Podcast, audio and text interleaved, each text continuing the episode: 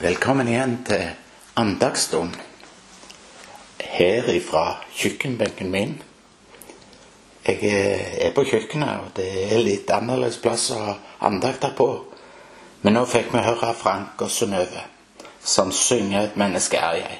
Min vei kan bli tung. Gud hjelp meg å tro at slik som jeg er, så har du meg kjær. Herlig å høre sangen. I dag våkna jeg opp, og så tenkte jeg wow, det er tid for ny andakt. Og så slo det ned en tanke i meg. For noen ganger kan jeg være bekymra når jeg våkner, andre ganger så bare våkner jeg opp i ørska. Men i dag våkna jeg opp med en tanke som var litt herlig, for jeg kjenner Gud har omsorg for meg. Min himmelske far har omsorg for meg. Og jeg kjente den tanken måtte jeg ta videre. Det var noe vi måtte ta. Fordi det er ikke alltid at våre bilder, eller de bildene vi har av Gud som far, helt stemmer med sånn Gud er. For jeg tror mange ganger det at det, det bildet som du har av, av din himmelske far, det henger ofte sammen med det bildet som har av vår jordiske far. Men eh, det er ikke alltid det som er. Jeg har en himmelske far som forteller meg, Svein, jeg vil gi deg framtid og håp, jeg, sier han i Jeremia 29. For, for oss som har denne himmelske Faren, er det alltid framtid og håp. Og da blir det jo min utfordring denne, denne søndag formiddagen å bare si til deg kast fra deg din mismodighet. Ikke gruble lenger over de mørke fortid. Ikke stirre forgjeves inn i din, denne kjempefloken av vanskeligheter som du kanskje har. Ikke krets lenger omkring deg sjøl, de synd, og, og, og, og at du føler deg så utrolig ussel. Ikke vær bitter over livets skuffelser. For alt dette vet din himmelske Far om. Og allikevel har han tent håp over din framtid. Jeg har talt mye om at fortida er under blodet. Og det må jeg få lov til å si, at din fortid er under Jesu Kristi blod. Du som har fått lov til å ta imot ham. Og over din framtid lyser håpet. Dagen, bring hver dag til din himmelske Far. Og så skal du se at han har beredt en velsignelse for deg som er større og herligere enn du hadde ant om. Du skal gå fra lys til lys, står det i min bibel. Fra håp til oppfyllelse av håpet, og så atter til nytt håp. Regn ikke med at, at livet holder på å ebbe ut og ta slutt. At du bare har resten igjen. Regn med din himmelske Far.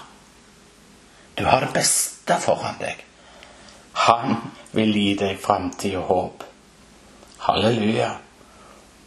Det er min himmelske Far som virkelig tar omsorg for meg.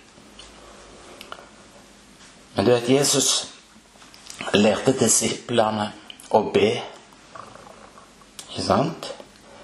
Kanskje det er verdens mest berømte bønn.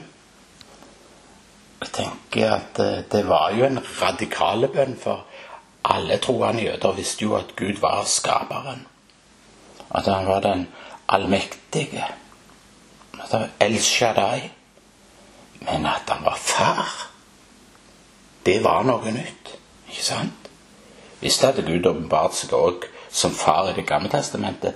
Men når Jesus lærer disiplene å be Fader vår, da er det allikevel noe nytt. Fra en følelse av å være utfor. Jeg tror de må ha hatt det i, den gamle pakt. Litt fordømt. Nedvurdert eller forkasta. Faktisk ikke bare den gamle pakten, men også i vår tid. Vet du, Når du tar imot Jesus, så løfter Jesus disiplene. Da Og han løfter disiplene nå til alle tider opp til å være elska, akseptert og velsigna. står i Matteus 6,9. Derfor skal dere be slik. Fader vår, du som er i himmelen. Helliget vorde ditt navn, sa vi i gamle dager. Helliget være ditt navn. Det er fantastisk. Vår Far i himmelen, står det. Den nye utgaven. Hva tanker er det du i grunnen får? Har du tenkt på det? Når du ber den bønnen, Fader vår. Jeg er sikker på at vi vil ha forskjellige bilder. Noen ganger har vi gode erfaringer, som jeg nevnte. Andre ganger er erfaringene mindre gode. Men i dag vil jeg at du bare skal få lov til å se inn i Guds ansikt, inn i Faderens ansikt, og oppdage at denne far du har i himmelen, han er den aller beste far som du kan ha. Han er en far som du virkelig kan stole på. Når jeg ser rundt meg, når jeg har samtaler Jeg har mange samtaler. Så tenker jeg wow, jeg må be Gud om å, å komme og gjenopprette det sanne bildet av vår himmelske Far. Og jeg tror det er så mange som går rundt med ødelagte farsbilder. Og når jeg skal prøve å fortelle noen hvem Gud er, så viser jeg mange ganger til Salme 145 i vers 8 og litt over 9, hvor David sier at Herren er nådig, barmhjertig, langmodig og stor i miskunnhet. Han er god mot alle. Tenkte nådig og barmhjertig. Barmhjertig mot alle sine skapninger, står det i vers 9. Mot alt han har skapt. Selv om du føler, som vi noen gang kan føle, at vi er Du føler kanskje at du er den verste. Så vil din far i himmelen vise deg barmhjertighet. Han vil gjøre deg vel. Han vil deg vel. Og noen av oss trenger virkelig å få forandre bildet som vi har av vår far. Altså, stilt og rolig har begynt å få øye på hvem Gud Fader virkelig er. Og så har jeg funnet ut at beskrivelsen på vår Far i himmelen som Bibelen gir meg, og som jeg har fått oppleve i mitt liv, den passer på beskrivelsen til den fullkomne Far. Det er jo helt fantastisk. Jeg syns det er herlig. Venner, han er en far som elsker deg. Han er en far som elsker meg. Han er òg en far som sørger for deg. Jeg er helt kjenner det Hvis jeg skulle si det viktigste punktet, så er han en far som er tålmodig. Der han iallfall må være nødt til å være med meg. Men jeg har òg vært i perioder hvor jeg har kjent at jeg har trengt å høre at han, han er en far som sørger for meg. Ikke sant? Og når jeg leste når jeg leste i Matteus 6 Bergprekenen, ikke sant? Gikk gjennom den, så kom det et vers til meg som, som ble så utrolig klart. Det var mitt. Jesus sier i denne berømte bergprekenen, der han taler om mm, de forskjellige spørsmål som møter her i livet, så leser vi Jesu navn. Derfor sier jeg dere Vær ikke bekymret for livet, hva dere skal ete, og hva dere skal drikke. Heller ikke fra legemet, hva dere skal kle dere med. Er ikke livet mer enn maten og legemet mer enn klærne? Se på fuglene under himmelen. Ikke sår de, ikke høster de, ikke samler de i hus, men deres far i himmelen gir dem føde. Er ikke dere langt mer verd enn de? Amen. Og så er det folket i bergprekenen. Ikke vær bekymra for livet. Ikke vær bekymret for hva du skal spise, eller hva du skal kle deg med. Jeg syns det er litt slående, jeg, vet du. For jeg ser jo at livet har ikke forandra seg så utrolig mye. For 2000 år etterpå så er vi fortsatt opptatt av hva vi skal spise, og hva vi skal ha på oss.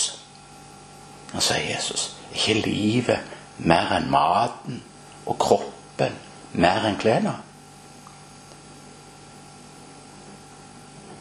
Er ikke dere mer verd enn fuglene, spør han etterpå. Deres far i himmelen gir de føde. Er ikke dere langt mer verd enn de? Det er spørsmål som Bibelen reiser. Det er ikke spørsmål som jeg reiser om, om, om verdien av deg. Ikke sant? Han sier rett ut her i Bibelen at du er verdifull. Og hvis din himmelske far har omsorg for en fugl, ja, så kan du være 100% sikker på at han òg har omsorg for deg. Han vil sørge for deg. Han vil gi deg det du trenger til. Halleluja. Vi har en far som sørger for oss. Er ikke det fantastisk? I vår vestlige verden så er jo stress Jeg kjenner det. Stress er jo en av våre største lidelser. Hvorfor det? Hvorfor, hvorfor har vi stress? Jo, fordi vi bærer på byrder og bekymringer som vi ikke er så flinke til å bære på. Vi er ikke skapt i grunnen til å gå rundt og bære på byrder og bekymringer.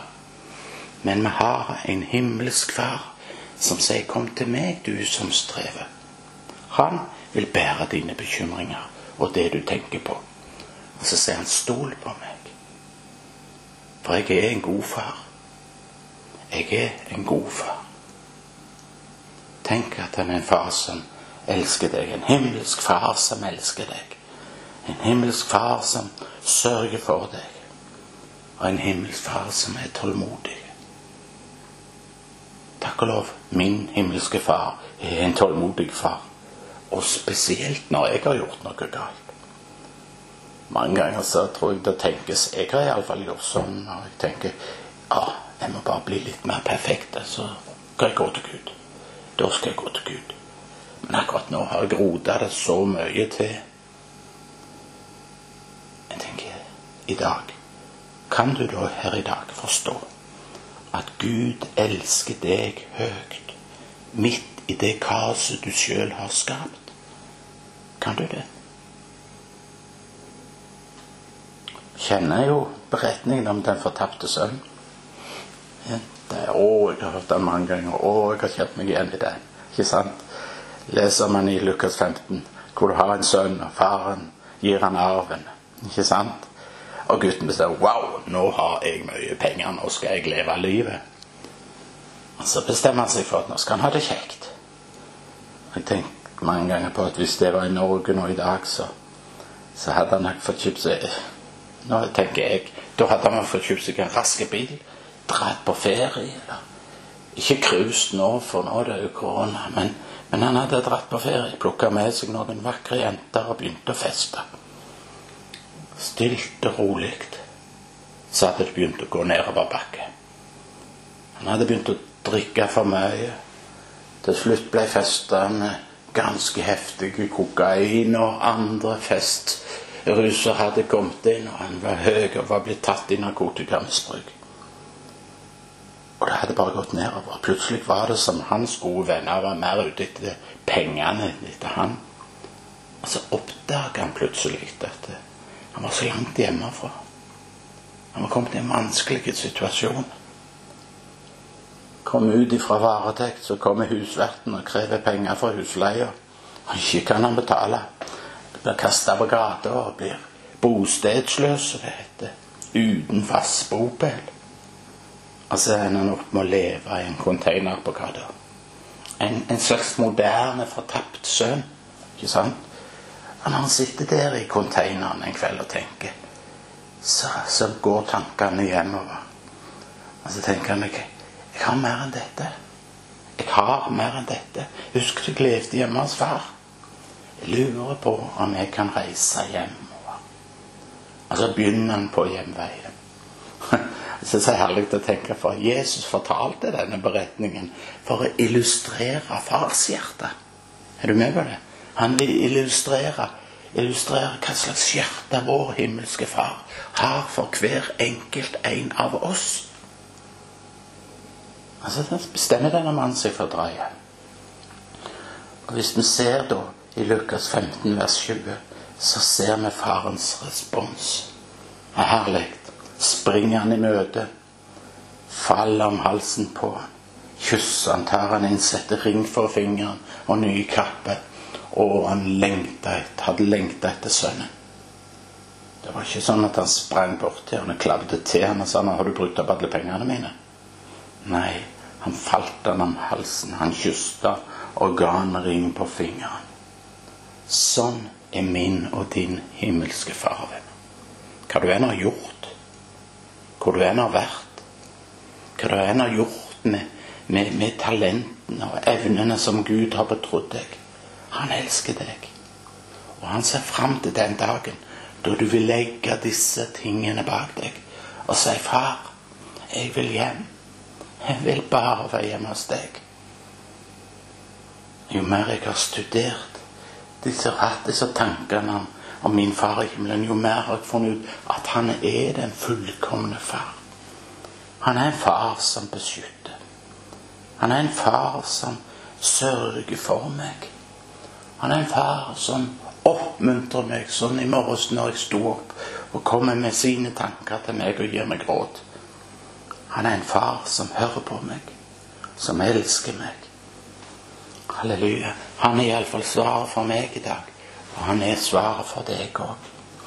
Du vet, en far holder seg ikke på avstand fra ungene sine. Han er ikke like gyldig over hvordan ungene har det. En far er interessert i detaljene i ungene sitt liv. En far lytter interessert. Og sånn er det med vår himmelske far. Han vet at ting er, er viktige for oss som barn. Jeg husker iallfall min far. Han lytta interessert til meg. Selv om det ikke var viktig for han, så var det viktig for meg. Det var min jordiske far. Og min himmelske far har òg et åpent hjem. Ikke sant? Vår himmelske far, han stiller sine ressurser til disposisjon for sine barn. Han beskytter, han hjelper, han trøster, han oppmuntrer, han utfordrer oss, og han velsigner oss. Halleluja. Halleluja. Og min himmelske far, han tar del i alle aspekter av mitt liv. En far tar del i alle aspekter av barna sine liv. Og det gjør min himmelske far med meg. Og jeg tror han gleder seg over framgang og sørger med de i vanskeligheter. Du vet, En far sørger når barna hans lir. Kanskje fordi de ikke ville høre på ham, ville la han få veilede dem.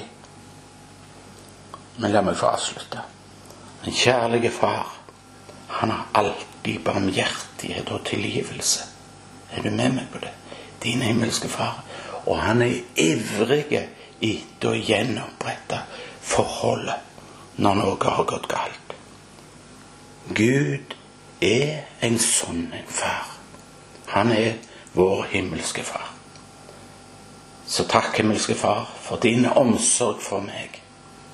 Takk for din omsorg for oss alle som lytter her. Du elsker oss og er både villig og mektig til å hånd om vårt liv og gjøre noe vidunderlig ut av det. Jesu navn. Amen.